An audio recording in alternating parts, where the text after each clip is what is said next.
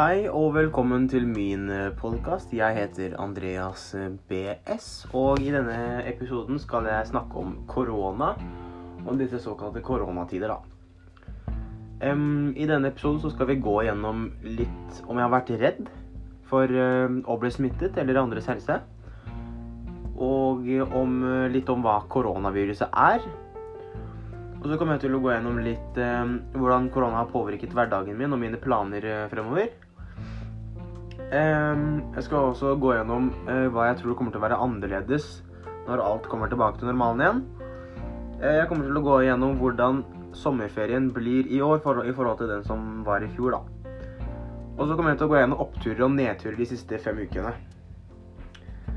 Em, Covid-19 er et virus som eh, setter seg i øvre luftveier og lunger. Det er et såkalt forkjølelsesvirus. Og mm, viruset oppsto i Wuhan i Kina i november 2019.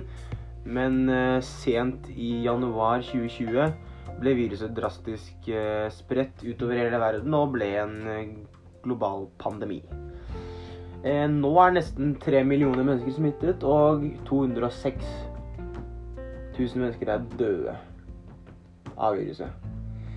Viruset herjer, eh, har herjet spesielt i Italia, siden de fikk veldig mange smittet eh, veldig fort. Og da fikk ikke det italienske helsevesenet muligheten til å Det, det italienske helsevesenet hadde ikke kapasitet til å ta imot så mange mennesker som hadde blitt syke. Så da ble de hardt rammet. Eh, Norge har også iverksatt eh, mange tiltak for å prøve å stoppe virusene, det samme som mange andre land.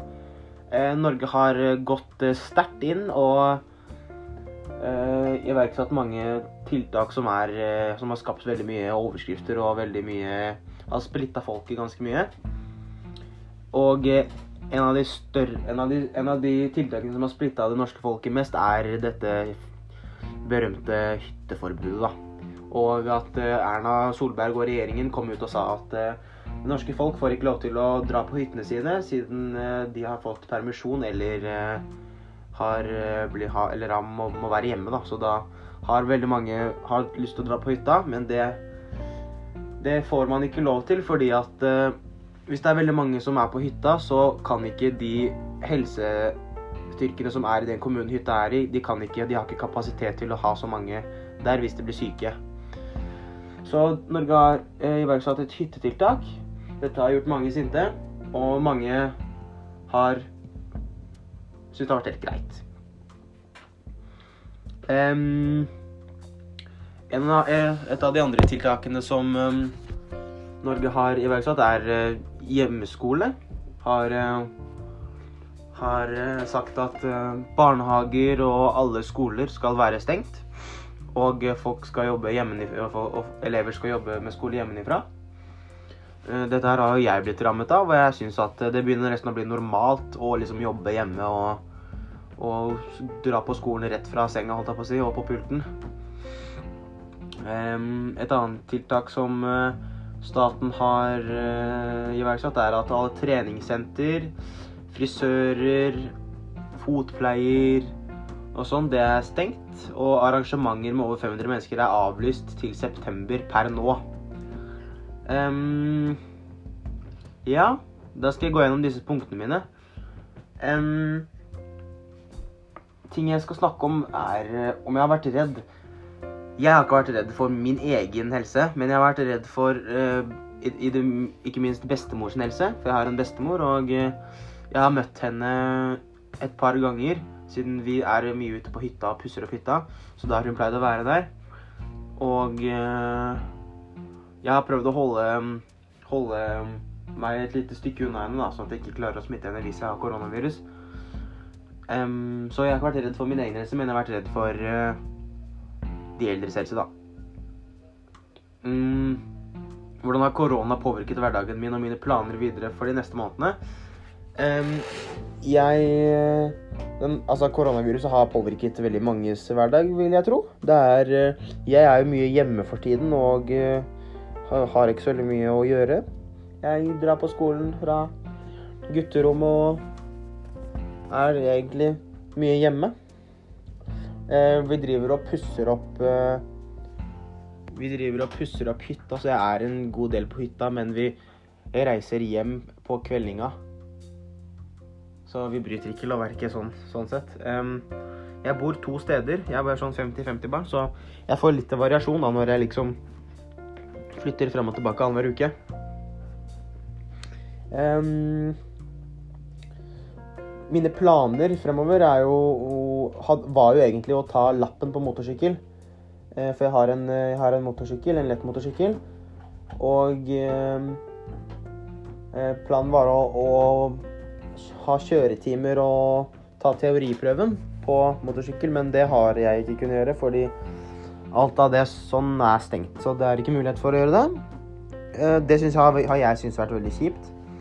Planen min var jo å kjøre litt eh, motorsykkel i sommerferien. Og eh, jeg får se om det blir åpna igjen.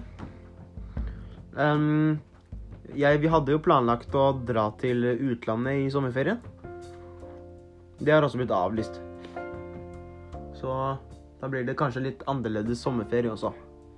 Eh, jeg hadde jo også planlagt på en måte å ha eksamen på skolen. Eh, det har vi også på en måte sluppet, eller eh, sluppet unna.